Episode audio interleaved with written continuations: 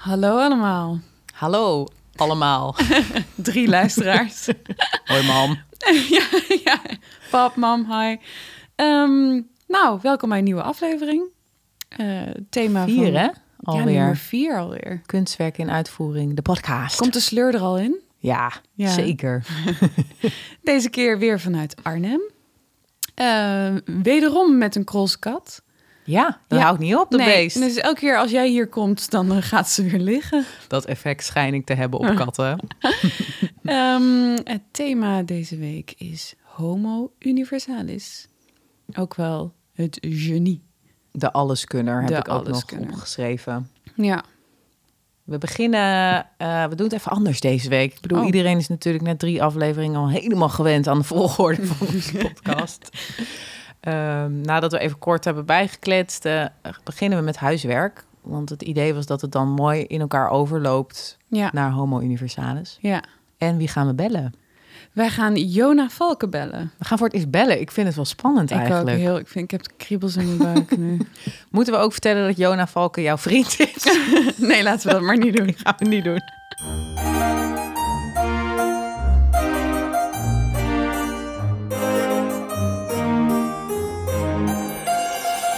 Hoi. Kunstwerk in uitvoering. Met Tineke en Merel. Welkom bij Kunstwerk in uitvoering. Oké, dan er staat hier hoe is het Tini? Ja, ik zag het ook. Zal ik dan maar beginnen? ja, doe maar. Goed, het gaat goed. Ik, eh, ik had een huiswerkopdracht van jou, daar gaan we straks natuurlijk inhoudelijk over hebben. Mhm. Vond je het die- leuk? Ik vond het leuk, maar het was, ik had het zo druk deze week en de film duurt drie uur. Dus ik moest gewoon echt zo Ja, shit. ja. tussen de bedrijven door een film kijken. Op de fiets. dus dat is nogal een opgave. Mhm. Ehm, maar ik heb het gedaan en ik had hem vorig jaar al gezien, dus ik wist nog best wel veel. Ehm, ja, wat ga ik er verder nog over vertellen? Gaan we zo denk ik doen. Verder heb ik twee dagen les gegeven, volle bak. Eh, in de studio. Want ik huur dus een studio twee dagen in de week. Dat ging echt heel goed. Was heel leuk om weer te doen. En eh, ik, ik zit op gitaarles. Ik weet niet of eens Ik vind het toch zo gek. Ik bedoel, je bent muzikant, je maakt platen, je geeft les Ja. en je hebt les. ja. Is dat normaal? of Ja. fake je een heleboel? Nou, ik zeg altijd, Beyoncé zit ook nog op zangles. Dat zeg ik ook altijd tegen mijn leerlingen. Oh. Inmiddels, we- ik weet niet, iemand heeft dit ook ooit tegen mij gezegd. Dus welke bronvermelding ik hieruit heb, is ook maar de vraag. Maar ehm, het is nooit, je bent nooit uitgeleerd. En bij zang ben ik best wel ehm, technisch onderlegd, zeg je dat zo? Of ik Mhm. heb veel techniek geleerd. Maar ik, toen ik naar het conservatorium ging, had ik mezelf gitaarles aangeleerd. gitaar eh, autodidact, Ja. punt. En, en toen heb ik een jaar voordat ik naar het conservatorium ging, ben ik begonnen met les. Omdat ik dacht, ja, ik weet eigenlijk niet wat ik aan het doen ben. Ah, Maar doordat ik altijd al iets kon, is daar vaak op eh, doorgeborduurd. ja. En ehm, eh, heb ik altijd het gevoel gehad dat ik aan het schilderen was zonder, maar Zonder verf? zonder dat ik wist wat voor verf en zonder dat ik wist op wat voor doek. Of weet je, ik heb altijd het idee gehad van ik doe maar wat. En dat is een prima Ja, kan Prima ook heel manier. mooi zijn. Kan en daarin, heel veel. precies, dat kan ook heel veel brengen. Maar ik dacht, ik wil dat het iets meer een keuze wordt. Het grappige is dat ik dat ook zelf tegen mijn leerlingen zeg. Van Ja. In plaats van dat het je overkomt, kan je ervoor kiezen. Ja, En zeker na 15 jaar nummers schrijven, was ik daar vorig jaar wel aan toe. Dat Mm. ik dacht, ik heb de tijd of ik wil er tijd voor vrijmaken. ja. Ehm, en ik, ik heb altijd een beetje haat-liefde verhouding met dat oefenen. Eh, vroeger vond ik dat heerlijk toen ik op blokfluit zat. Maar ik had ook verder gewoon een basisschoolleven. Dus wat doe je na school? Eigenlijk geen drol. Nee. Dus, ehm, maar ik heb nu de draad weer eh, opgepakt. En ik ben echt weer veel aan het repeteren. En op dit moment ben ik Albatros, een nummer van Fleetwood Mac, aan het oefenen. Oké. Ik heb die nou niet klaargezet, dus als jullie hem willen horen, zoek hem zelf maar even op. Ehm, en dat vind ik zo'n mooi nummer. En ik heb ook het idee dat het eindelijk wat opschiet. Dus dat is, voelt als een soort van mini, tiny persoonlijke overwinning. Ja. Wil je nog even vertellen hoe het met jou is verder? Ja, ruk. Ehm, ik had eh, maandag tot en met woensdag was echt... Nou, die mogen echt gewist worden uit mijn leven. Toen vond vreselijke dagen. Ehm, het is steeds moeilijker om vroeg op te staan. Want jij moet dus vroeg opstaan. Ja, ik sta Neem ons even mee. Ik moet om vijf uur opstaan. nou, ik moet, ik moet het niet. Ik sta om vijf uur op. Ja. Want eh, ik wil om half acht beginnen op werk. Eh, dus mijn baan. Nou, dat doe ik dus maandag en dinsdag. Bij Talens. Bij Talens in Apeldoorn. Wat doe je daar ook alweer? Ik ben er technisch adviseur. Oh ja. En eh, nu ben ik bezig met de uitbreiding van een, van een kleurenassortiment. En het is allemaal superleuk. Dus als ik dit mensen vertel, dan zeggen ze ook, oh, superleuk. Dus ik moet mezelf ook heel vaak vertellen, je baan is heel leuk. Ja. Maar soms gewoon even niet. Hmm. En als ik dan zo vroeg moet opstaan, dan is gewoon even niks meer leuk. Het was ook een grijze week. Oh, en toen woensdags heb ik altijd vrij. Dus ik dacht, nou, weet je wat? Ik sta om zes uur op. Een uurtje langer dan normaal. Dat is voor mij dan eh, uitslapen. Heb ik per mijn wekker uitgeste- eh, uitgezet. Word ik om negen uur wakker. Oei. Ja, en Op zich nog best wel oké hoor. ja, maar dan zie je je appartement weer een keer in daglicht. Oh ja, dat is niet goed. Nee, dan schrik je echt de pleuris. Overal stof en smeer. En eh, dacht ik, oh shit, die, die af, ehm, ik moet ook echt een keer stofzuigen. Ik moet echt de afval een keer weer wegbrengen. Nou, ik dacht, ik ga het afval wegbrengen. En de bloemen zijn verwelkt, laat ik dat ook maar doen. Alles ging mis, Tineke. Wat dan? Ik haalde de vuilnispa- vuilniszak uit de... ehm, het zijn van die biozakken. Oh, die scheurde weer. Nou, volgens mij zijn die al aan het composteren in, In je prullenbak. Ja. Dus ik haalde hem eruit, trek ik er die hele rand al eraf. Dus ik heb bijna geen grip meer om überhaupt de hele zak eruit te trekken. Oh ja. Heb ik het zover, scheurt hij open. Hmm. En er kwam allemaal water uit. En waarvan ik dacht dat het larven waren, was godzijdank was het gewoon rijst. Helemaal onder. Ah, Oh, alles schoonmaken. Nou, haal ik mijn eh, bos bloemen. Nou, die raak ik één keer aan. Alle blaadjes, alle stuifmeeldingetjes flikkeren eraf. Toen kon ik de keuken weer helemaal schoonmaken. Oh shit, echt zo typisch. Dat je Oh. denkt, even snel dit opruimen en dan weg. En rond ene was ik pas in mijn atelier. Hmm. Kom ik terug van mijn atelier, omdat het ook godverdomme nog niet lukte... is mijn wasmachine overlopen. Dus de hele keuken stond blank. Nee! Echt, hoe kan het? Waar heb ik het aan verdiend? Ach, lieverd. Oh. Dus nee, ehm, ik dacht vanaf Is er nu... nog gelekt naar de benedenverdieping? Ik heb niks gehoord. Dus ik hoop van niet. En wonderbaarlijk genoeg is mijn laminaat recht gebleven. Oh my god. Ik snap er niks van. Nou, chill. Geluk bij een ongeluk. Ja, Dus die dag was echt even matig. Ja, en toen had ik alles opgeruimd. Toen ging ik op de bank zitten, heel erg treuren en heel veel zelfmedelijden hebben. En toen ging mijn kat ook nog eens kakken. Oh, Op je bank? nee, nou ja, maar de, de, de, de kattenbak staat eh, vrijwel direct naast de bank. Oh ja. Maar ik was zo klaar dat ik gewoon in die lucht ben blijven zitten. Ja, erg vies. Maar nu ben je Dus- wel weer hersteld van deze zware week. Ja, ik, woensdagavond ga ik altijd dansen. Hmm, oh ja, En ehm, dat is wel heel leuk. Daar word ik altijd weer heel blij van. Dus eh, qua kunst en schilderen is het niet zo'n beste week. Maar, Maar wel wat kunnen doen nog uiteindelijk. Jawel, wat ik aan het doen ben is allemaal goed. Ik ben met een portret bezig van twee vrienden. En dat vind ik erg leuk te doen, om te doen. Maar ik moet wel weer eventjes ehm, even de, het goede humeur ergens vandaan halen. Maar de zon schijnt vandaag, dus ik ben al... eh, Het gaat de goede kant op. het gaat de goede kant op. Zullen we naar het huiswerk? Ze daar aan doen. Ja.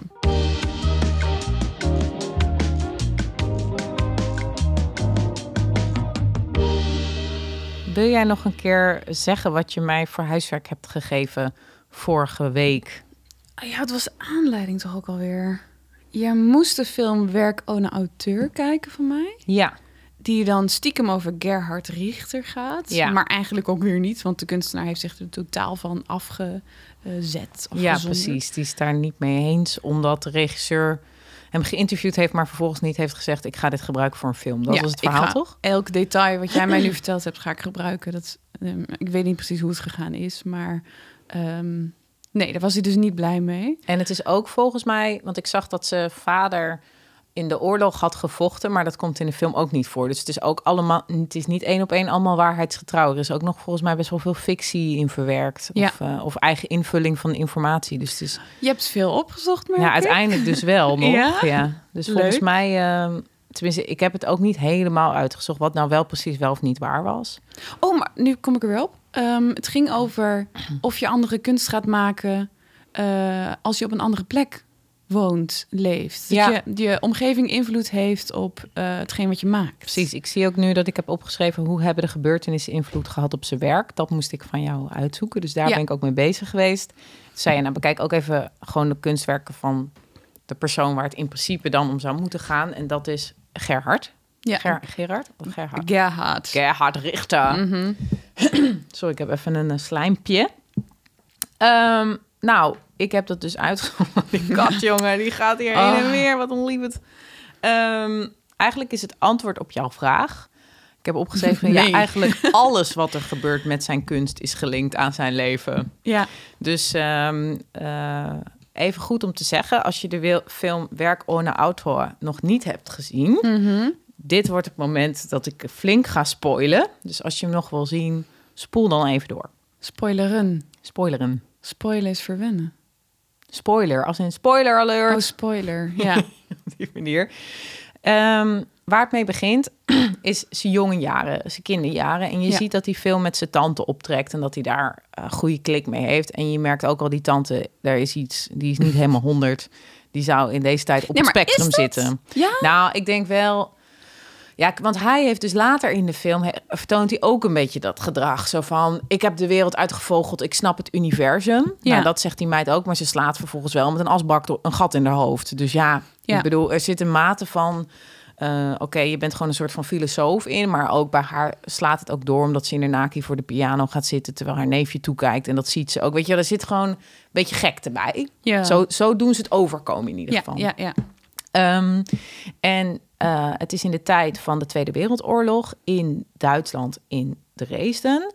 En die tante, eh, ze gaan dus naar de huisarts en uiteindelijk wordt die tante meegenomen door, eh, ja, weet ik veel, de nazi-politie. En dan wordt ze uiteindelijk vergast. Maar op het moment dat ze wordt meegenomen, zie je al dat perspectief van scherp onscherp. Want wat dat jongetje doet, de hoofdpersoon, al in zijn jonge jaren, die Gerhard dus eigenlijk, Mm. als hij iets niet wil zien, dan kijkt hij eer, doet hij zijn hand voor zijn ogen, dan kijkt hij naar zijn hand. Poes. En dan haalt hij zijn hand weg. Dus dan als je dan verder kijkt, dan zie je het onscherp. Ja. Dus hij speelt met dat scherp onscherp. Dus Ja. daar wordt al een introductie mee gemaakt in het begin. Ja. En omdat hij zo gefascineerd is door die tante, die hij ook weer naakt heeft gezien. Hij schildert als jongetje ook naakte. Daar grappen Mhm. ze nog zo over. Vertel maar niet op school dat je naakte schildert of zoiets. Weet Ja. je wel? Dus als kind doet hij dat al.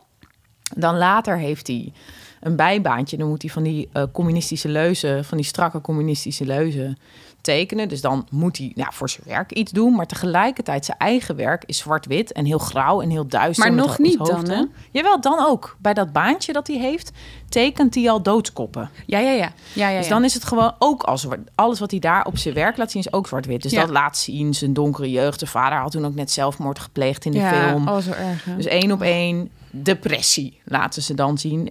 Los van wat hij in dat bijbaantje, dan moet hij dus die communistische dingen schilderen. Nou, dan gaat hij naar volgens mij de kunstacademie in Dresden. Ehm, dus dan tekent hij dat sociaal realismus. Eh, daarna vlucht hij uit eh, Oost-Duitsland en gaat hij naar Düsseldorf, naar de kunstacademie. Ja, klopt. Nou, dan krijgt hij dus de vrijheid. Mhm. nou ja, dan is hij eigenlijk in paniek, want hij mag voor het eerst eigenlijk doen wat hij wil. Ja. En dan gaat hij een beetje zo à la Gerrit Rietveld Academie, allemaal van alles proberen, Ja. weet je wel. Heel veel, veel moderne dingen. En uiteindelijk zegt die eh, docent op die school, zegt ja, dit ben jij niet. Vilt en vet, vilt en vet, komt hij met dat verhaal, weet je nog? Ken je de Dus- kunstenaar die dat doet? Nee, nee daar Oh. heb ik niet. Want dat is dus ook echt een kunstenaar die dat doet. Ja. Om die, met, dat, met die backstory van... Ja, ik vergeet altijd zijn naam. Ja, ik heb het toen nog wel opgezocht. Maar Oh, ja. wat erg. Maar heel Duitsland is helemaal wous van hem. Want zij, even heel kort het verhaal over die kunstenaar... waar ik natuurlijk nu de naam niet van weet. Ehm, die is eh, oorlogspiloot geweest voor de Duitsers. En die is toen...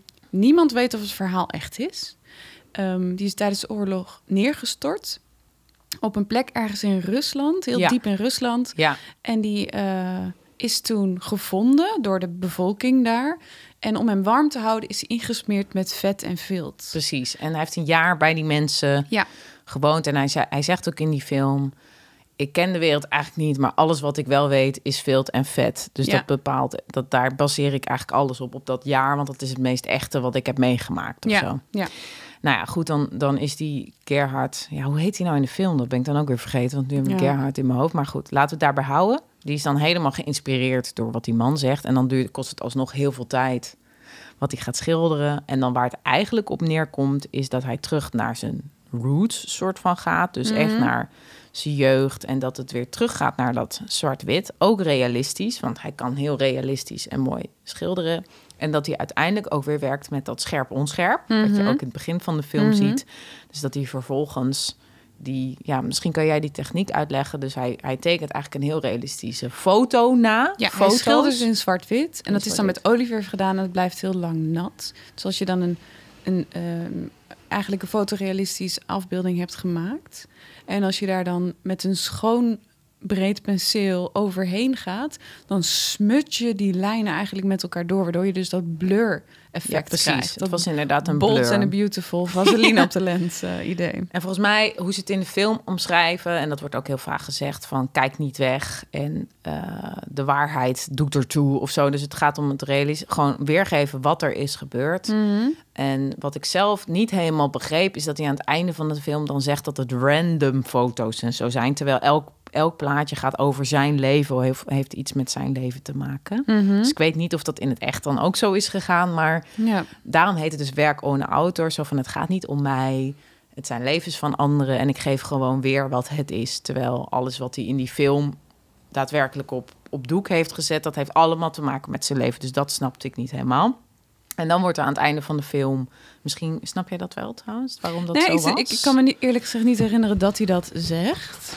Maar... Oh, hoor je, ik had, het wordt helemaal hyper. Misschien kunnen we zo die scène nog even kijken, want het was, het, was een soort van, ja, eh, half filosofisch, diepere laag einde aan die film. Maar Mhm. ik dacht, hè, waarom verkoop je dat, je dat het allemaal random is, terwijl het heel duidelijk wij allemaal weten dat het jouw leven juist. is. Ik bedoel, ehm, ik vind ook eerlijk gezegd dat je nooit aan een kunstenaar moet vragen waar het over gaat. Iedereen heeft altijd een eigen, Interpretatie. ja, eigen interpretatie en, voelt en ziet andere dingen.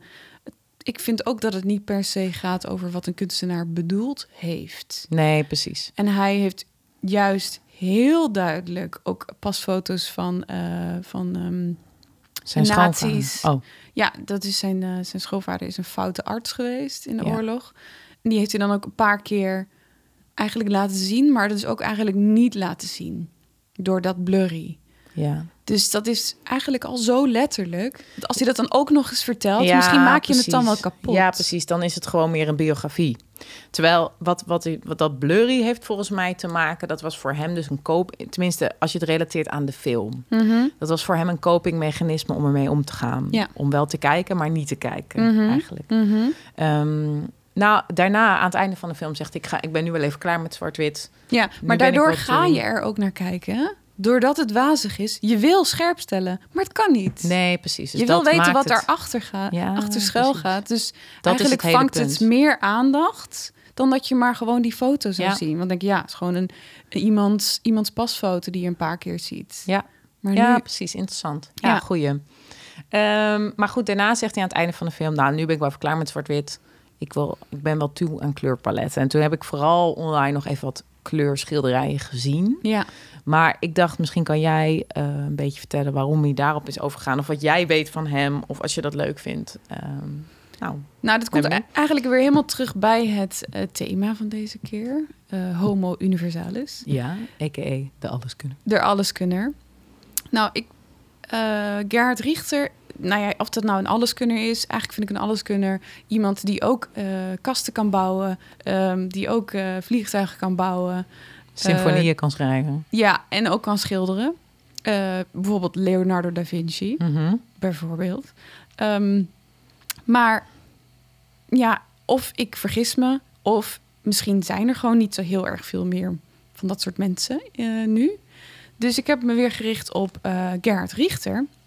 Want ik merk zelf ehm, als kunstenaar, als schilder, dat het best wel moeilijk is om andere, ehm, een andere stijl aan te nemen. Hmm. Ja, volgens mij is er iemand aan het boren buiten of zo. Dames en heren, het houdt vanzelf weer op. Het is een brommer, denk ik. Nou, ehm, en eh Gerhard Richter, die, die heeft dus echt honderden stijlen doorgemaakt. Hmm. En ehm, ik wil je er even een paar laten zien, als je dat goed vindt. Ja, vind ik goed. Ik heb toevallig afgelopen weekend ben ik in Düsseldorf geweest.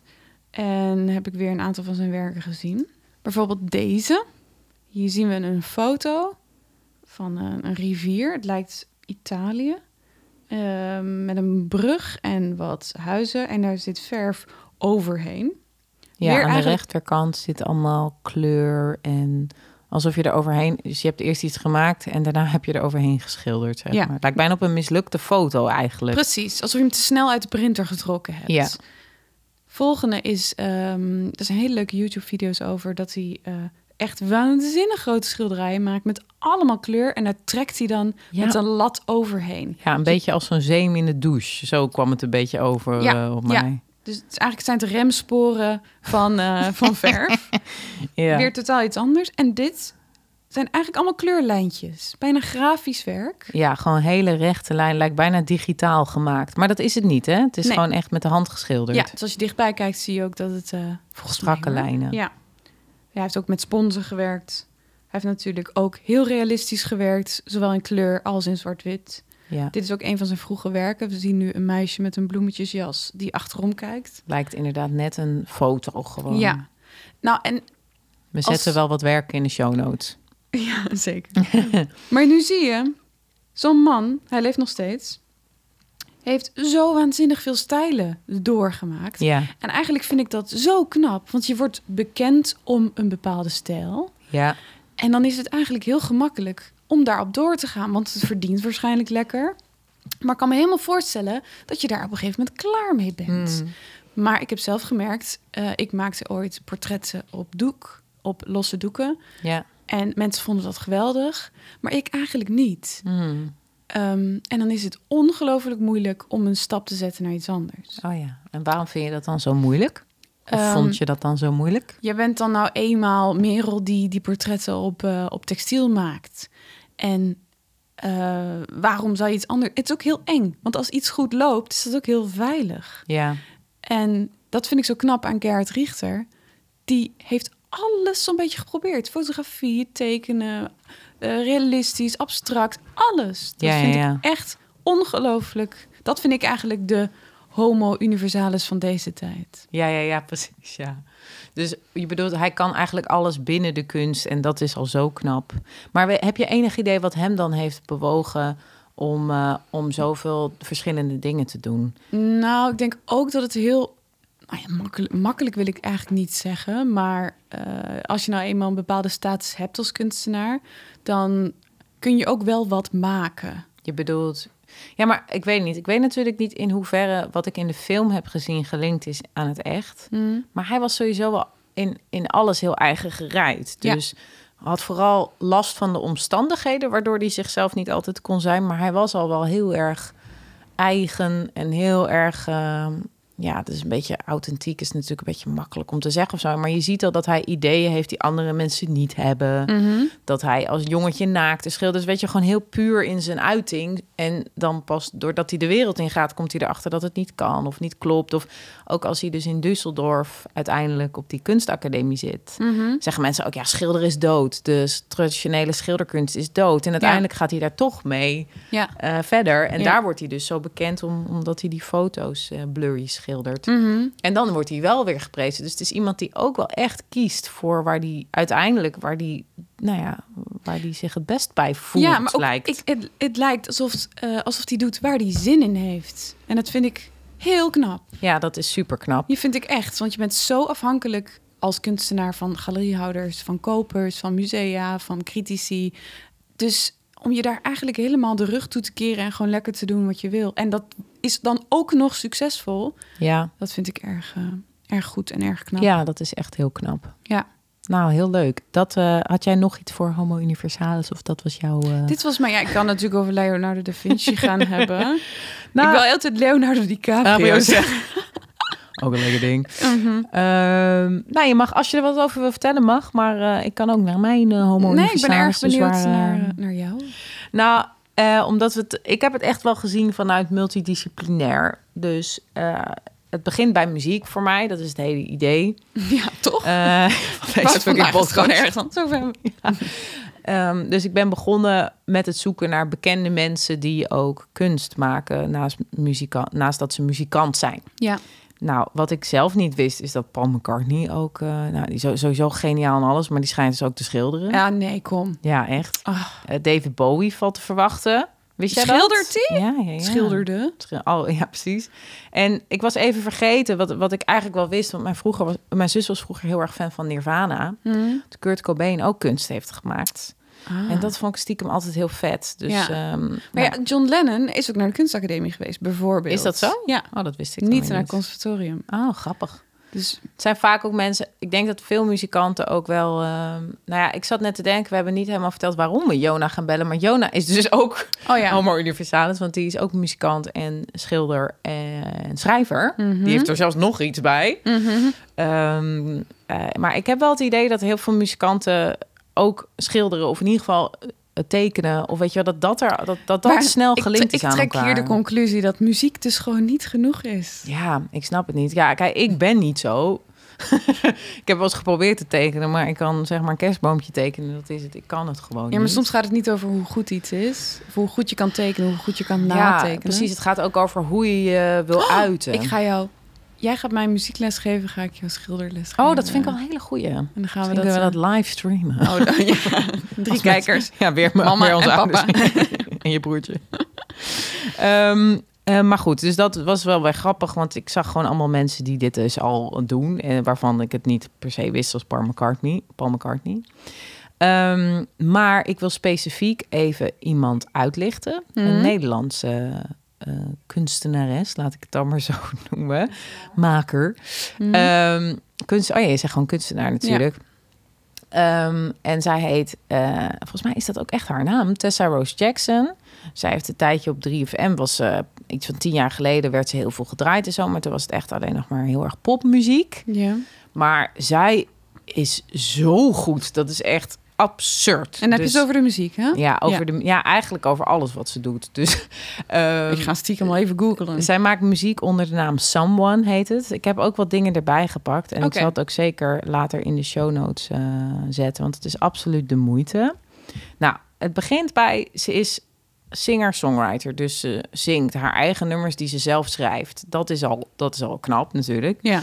Dan eh, produceert ze het zelf. Dus dat betekent dat ze zelf het opneemt in Mhm. de studio. Dan mixt ze het zelf. Dat betekent dat je de verhoudingen van de, de drums en de zang, weet je wel, in zo'n programmaatje waar we ook dit, de podcast in laten, dat je die verhoudingen goed zet. Ja. Daarnaast maakt ze muziek voor reclames. Dus eh, ze werkt voor, ook voor een bedrijf dat. ehm, nou ja, dus als je een Hunkemuller reclame ziet, dan zit er af en toe een muziekje onder. Dat soort shit maakt zij. Dus Ja, ze is ja. ook, zeg maar, wat Gijs ook doet, mijn vriend. Dus composer voor, voor, andere, voor andere merken, laat ik het Mhm. zo zeggen.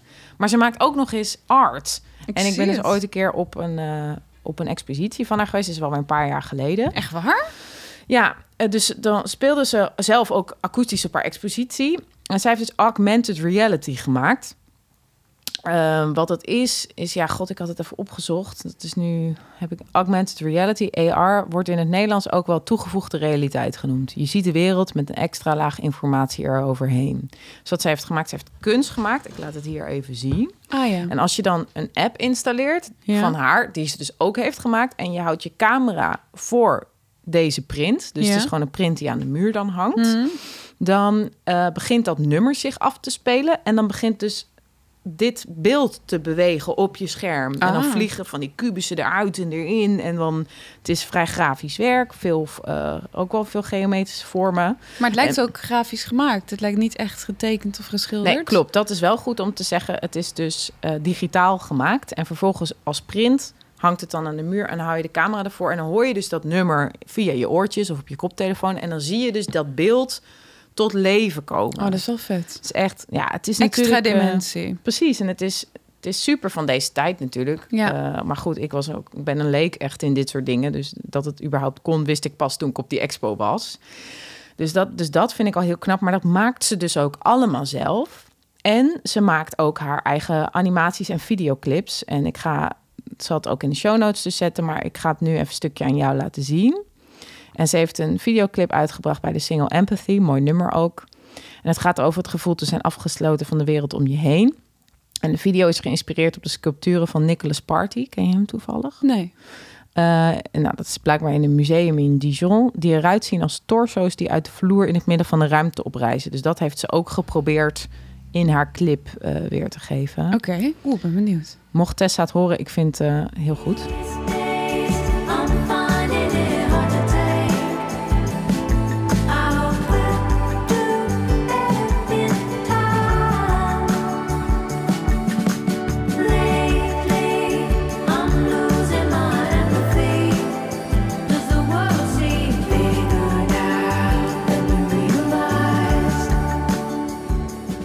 Fine. mij tot hier. Mooi. Echt mooi. En, en ze is nu geloof ik bezig met een set tarotkaarten. Met dus ook diezelfde artwork zoals... Daar moest ik al een eh, beetje aan denken. Een beetje wikka Ja, iemand had, dat, eh, iemand had dat voorgesteld. Toen dacht ik, oh, dat had ik zelf nog helemaal niet bedacht. Dus daar is ze uh, is mee aan de slag. En nu heeft ze ook corona, geloof ik. Dus ze zit ze al die tarotkaarten te maken. Dus die meid is altijd aan het maken. En um, ik zou willen dat veel meer mensen haar muziek ook nog zouden kennen. Ze is best, be in ieder geval in muziekhand kent iedereen haar wel. Ja. Bij het grote publiek denk ik ook nog best wel aardig wat mensen. Want een beetje mensen die naar de Nederlandse radio luisteren... en waar haar echt wel voorbij horen komen. Maar ik vind het zo'n multitalent. Nou ja, ik heb er toch even de tijd voor genomen om dat uh, uit te leggen. Want ik vind het zo knap dat je dat allemaal doet. En ja, mooi. het lijkt ook geen... Het zal ongetwijfeld moeite kosten, maar het lijkt bij haar geen vraag te zijn. Nee, maar misschien een hele stomme vraag, maar hoe verdient ze haar geld? Nou, volgens mij, ik weet het niet precies. Maar volgens mij heeft ze dus de meeste inkomsten uit die klussen voor die reclames. Ja, ja, en dat ja. soort dingen. En van haar eigen muziek zal ze ook wel wat verdienen, want haar streaming is best oké. Ja. Maar volgens mij is ze niet alleen, heeft ze ook een management. Dus je moet soms ook weer daarvan wat verdienen. Maar zij is niet rijk of zo. Nee, weet nee, je nee. wel? Ja, want bijvoorbeeld, eh, om het lekker weer naar mezelf toe te trekken. Is goed. Eh, ik heb ook vaak ideeën over films en over, over muziek en hoe dingen eruit moeten zien. Hmm. Maar ik heb gewoon de fucking tijd en geld heb ik niet. Nee, precies. Nou, qua geld denk ik dat zij het ook echt veel via fondsen aanpakt. Oh dus ja, dat ze fondsen aanschrijft. Precies, ja. Maar ja, goed, dan kan je wel dit soort dingen maken. Ja, zo nee, ja, en het, is geld er is harte er. gegund, ja. Dus ehm, ja, ik ben erg onder de indruk van haar werk Snap altijd. ik. Dus ik dacht, Mooi. ik wil nog even Tessa Someone benadrukken. Want volgens mij moeten veel meer mensen dit kennen. Ja, ik ga het zeker luisteren. Nou, leuk. Nou, dat, dat was het eigenlijk. Nou, het enige, we hebben nog eh, een paar minuutjes. Het enige wat ik wilde vragen is toen ik dus naar art van Kurt Cobain en Paul McCartney en ehm, David Bowie en zo zat te kijken, is dacht ik, wat maakt iets nou goed? Mm. Het grappige is dat als een, als een muzikant ehm, iets maakt, dan denk ik meteen, wat zou Merel hiervan vinden? Is dit wel goed? Terwijl als een kunstenaar iets maakt, dan neem ik het ook veel sneller aan als goed Oh. of zo. Terwijl ja, wat maakt, het, wat, maakt, wat maakt kunst goed? En Ja, dat is een vraag die natuurlijk eigenlijk niemand niet- kan beantwoorden. Nee, toch? Ik laat je toch nog even wat zien, want dit was dan eh, Wie is David dit? Bowie. Veel contrast, veel kleur. Ben gewoon benieuwd wat jij ervan vindt als je dit zo ziet. Vind je daar dan iets van als kunstenaar? Ja, ik vind hier wel wat van. Ik weet niet of dat heel leuk is om te horen. Nou, zeg maar. ik vind het vrij slecht. Dit vind Maar ik wel waarom dan? eerste jaar kunstacademie. Iemand die duidelijk... ehm, David Bowie, dames en heren. ja, over. David Bowie. Maar waarom nou, die dan? recht is wel... Het, je ziet een soort... ehm, het kan zijn dat mensen hier heel erg van houden, hoor. Ja. Ik vind de compositie allemaal... Het is allemaal net niet. Het is een beetje snapshot-achtig. Het is erg donker. Heel vol. En ik zie toch wel, behalve het portret daar... dat er toch een soort onkunde in zit. Maar waarom dan? En, maar laat me eens even uitpraten, jij. En dat is ook die...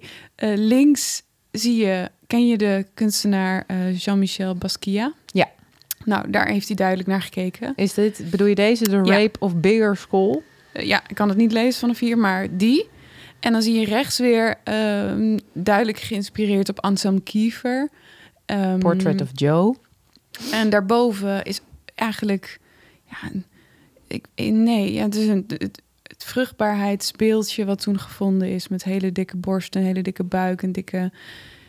Ik vind het een bij, bij elkaar geraapt zooitje. En echt ook geïnspireerd op an- mensen die iets hebben gedaan... en dan ook beter hebben gedaan voor je gevoel. Ja, precies. Dit is, Hmm. Daarom zeg ik ook eerstejaars kunstacademie... omdat je dan vooral kijkt naar de mensen die je bewondert... en dat een beetje naprobeert te doen. Wil je nog eens een beetje naar beneden scrollen? Even kijken wat het... Mag ik nu wel een vraag stellen? Tuurlijk, tuurlijk, tuurlijk. Maar je had het over compositie. ja. Wat bedoel je daar dan mee? Slechte compositie? Het is heel lekker voor je oog als dingen in balans zijn. Wij zijn heel erg getraind op eh, dat het boven altijd licht is, behalve als het avond is. Eh, en onder gebeuren veel meer dingen en is het donker, want zo ziet de wereld er voor ons uit. Hmm. Ehm, dat hoeft natuurlijk niet zo te zijn. Je kunt daar heel erg van afwijken. En mensen, vooralsnog, dit is ook deels mijn mening, dus ik zeg niet dat het allemaal zo is.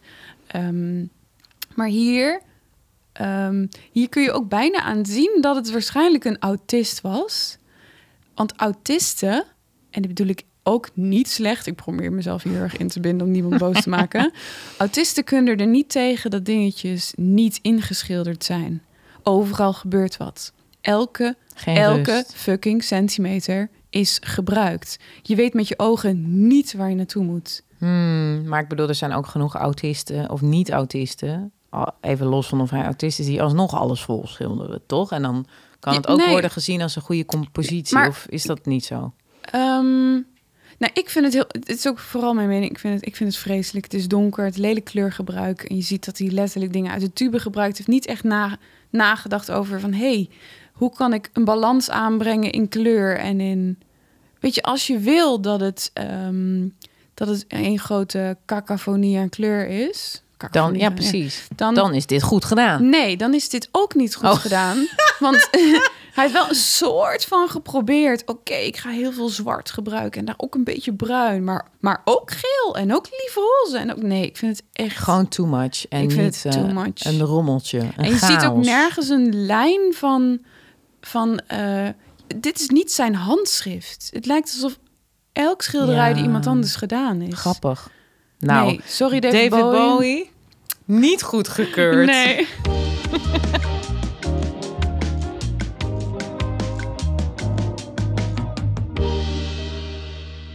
En wel grappig. Dan ja. gaan we Jona bellen. Jona wordt gezien als een lookalike van David Bowie. Oh, nou, dat is echt een hele mooie spontane brug die we hier hebben gecreëerd. Oké, ehm, zullen we hem maar gewoon direct bellen of willen we nog even vertellen wat, wie Jona is? Want hoeft hij dat zelf niet te doen? Of willen we hem dat zelf Ja, laten dat, doen? Dat wil hem denk ik niet zelf nee, dat laten wil hij doen. niet. Dat denk ik niet. Nou, Jona is ehm, eigenlijk eh, van jongs af aan al met muziek bezig geweest. Eh, hij zat bij mij op de kunstacademie, de AKI in Enschede. En daar hebben we schilderen gestudeerd. Of schilderen gedaan, of je dat nou echt studeert. Eh, toen schilderde Ja, heb je gestudeerd? Tijdens de schilderopleiding ehm, was hij vooral bezig met muziek nog. Zij had best wel, volgens mij best wel een succesvol bandje. Bent. Band. Oh, dat moet ik trouwens even zeggen. Ja, shit, Ja. we gaan echt ontzettend uitlopen. Maar je hebt het één keer eerder gezegd, beentje. Band. Maar dat mag niet, nee. Waarom niet? Ja, dat is een klein, verkleinwoord. Daar, daar lijkt je het niet serieus door te nemen. band. Dat, dat was echt een paar jaar geleden een discussie in muziekland. Bandje mag niet meer. Ik zeg het soms ook per ongeluk. Maar Band. Band. Ja. ja. Nou, en... eh, Villa Zeno heette die Villa band. Zeno. Ja. Ehm, en hij eh, schildert. Ja, honden. Hond, nee, niet alleen maar honden. Maar heeft hij wel een periode, wel een hondenperiode gehad. Ehm, dat is trouwens wel heel grappig, een verhaal. Ik was natuurlijk altijd stiekem al een klein beetje verliefd op hem. Ja, want jullie hebben een relatie. Ja, we hebben nu een relatie, maar toen niet. En toen had hij een tentoonstelling. Toen waren we al, zaten we al niet meer op de AKI. Ja. Had hij een tentoonstelling in Amsterdam. En toen wilde ik, om indruk op hem te maken... En, want ik had al een baan. Dat was dan best wel cool. Als je na de kunstacademie meteen al een vette baan had. ja. En toen heb ik een schilderij van hem gekocht. Om indruk te Oh, maken. Ja. Merel. Zo posh. Mhm.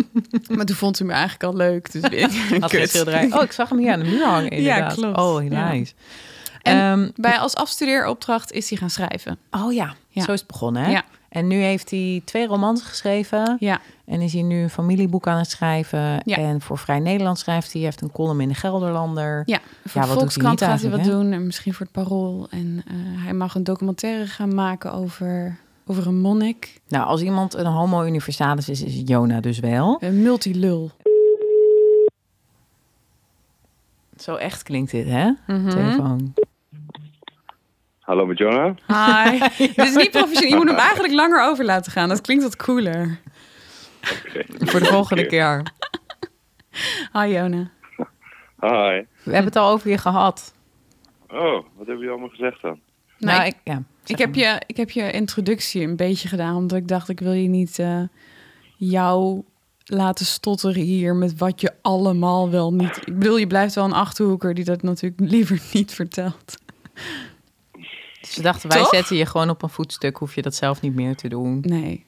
Oké, kan ik mezelf er nu afgooien? Ja, dus je mag ophangen. Einde gesprek. nou, ik, wil, ik heb eigenlijk al de eerste vraag, Jona. Want eh, jij doet dus heel veel. En ik vroeg me af hoe het komt dat jij jezelf... Oh, die kat, jongen. hoe het komt dat jij jezelf op verschillende manieren eigenlijk wil uiten. Dus je, je bent schrijver, muzikant en kunstenaar... en documentairemaker, geloof ik dus ook binnenkort. Ja. Uh, waarom wil je het via zoveel verschillende... Ja, hoe zeg je dat? Disciplines doen? Nou ja, dat is allemaal niet echt gepland. Dus het is meer van het een komt het ander. Um, ik maakte muziek, en, maar ik wilde niet naar het conservatorium, maar ik wilde wel iets studeren. Dat, je moet iets doen. Toen ging ik naar de kunstacademie en op de kunstacademie wou ik geen scriptie schrijven. Toen ging ik een boek schrijven. Dus het is allemaal een beetje toevallig eigenlijk. Maar waarom, wilde, je dan, uh, waarom wilde je dan niet uh, een scriptie schrijven, bijvoorbeeld? Eigenwijs. Ja, dat, dat, dat, nou ja, niet eigen, dat leek me dan saai. Dat, dat, dat, dat voegt dan zo weinig toe. Uh, gewoon braaf dat maar doen. En op die school waar meer al niks zaten, dan, dan was ook wel gewoon de ruimte om andere dingen te doen.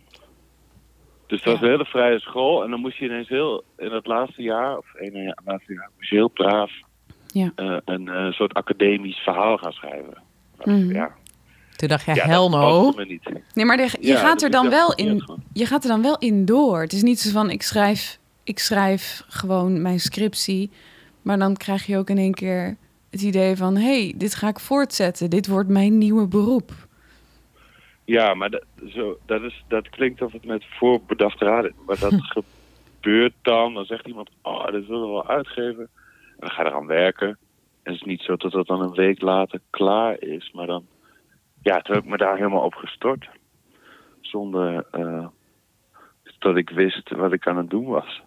Ja, wat ook heel fijn was. Ja, En nu gebeurt er veel, nog veel meer, want je verschillende werkgevers en je doet verschillende dingen. Hoe voelt het dan nu om dat allemaal tegelijk te doen? Nou ja, ik, nou, voor mijn gevoel doe ik het niet helemaal tegelijk. Want de muziek is echt wel klaar. En kunst is eigenlijk, nou ja, mag geen naam hebben. Dus het is vooral schrijven. Maar binnen dat schrijven is het wel steeds breder aan het worden. Dus van interview naar column, van essay, roman, reportage. En hoe, Ehm, en, hoe- dat, en dat doe ik eigenlijk omdat dingen me anders gaan vervelen. Dus het houdt elkaar een soort gezond eh, wakker of zo. en hoe denk je dan dat, ehm, dat je dat... ja, ik wil je eigenlijk geen compliment geven. Nou, Merel. maar dat je, nee, nee dat, het. dat je dan... het is heel moeilijk. nou, dat je dan eigenlijk alles wat je doet, dat dat dan lukt. Hoe denk je dat dat... dat, dat eh, Ja, dat zie ik zelf niet zo eigenlijk. Misschien Ik- is ik dat het ook wel aan Jona. Hij heeft vooral het gevoel dat er niet zoveel lukt, terwijl er eigenlijk best wel veel goed gaat. Of nou ja, dat is misschien een beetje heel negatief bedacht, maar ik heb Jona nog nooit echt het gevoel zien hebben dat iets echt lukt, nee, toch? ik heb nog nooit nee, omdat vrolijk dingen gezien. altijd in ontwikkeling. Ja, nee, dat ook. Nee, dat dingen altijd in ontwikkeling zijn.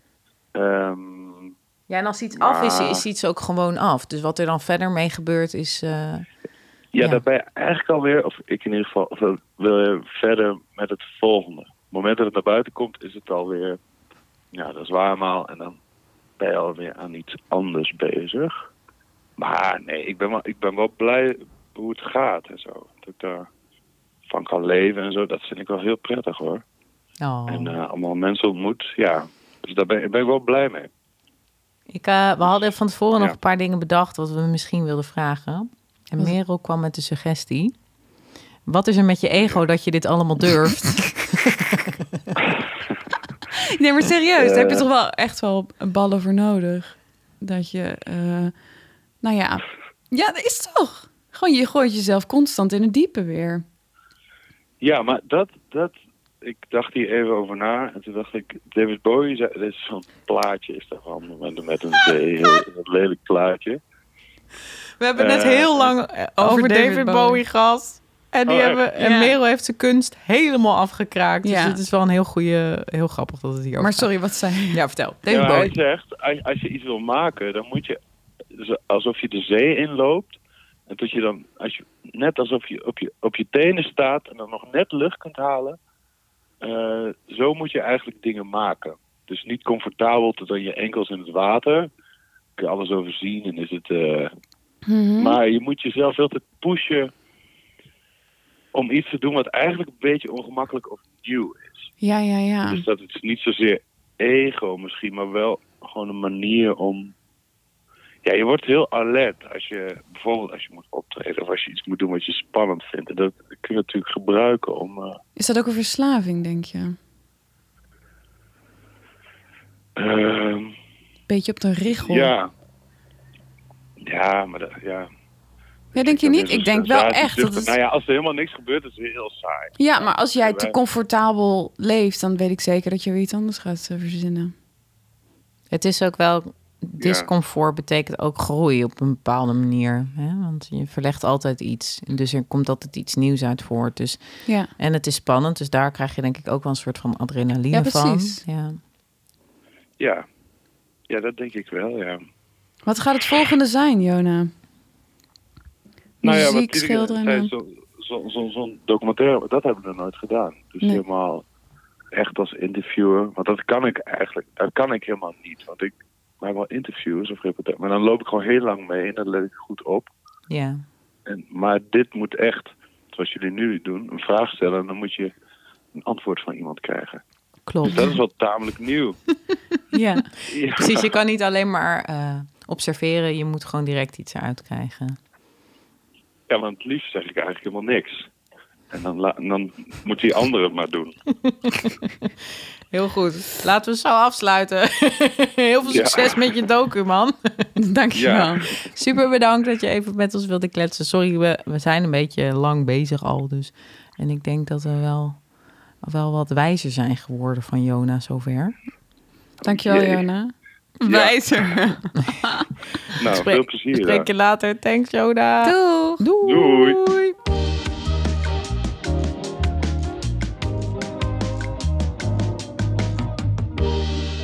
Oké, we gaan hem afronden. Oh, Ehm, ik wil jou nog even huiswerk meegeven voor volgende week. oh. Dan moet ik even gaan scrollen in mijn documentje, wat ik ook alweer had bedacht.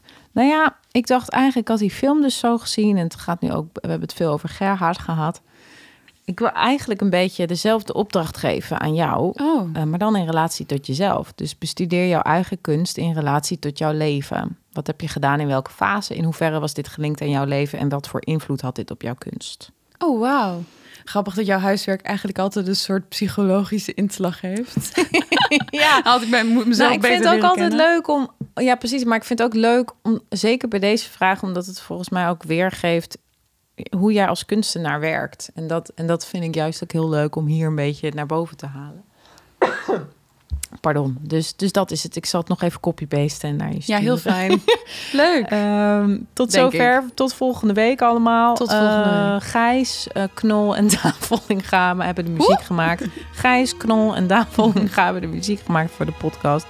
Wij maken het verder en eh, ik zie jullie volgende week. Joejoe. Joe.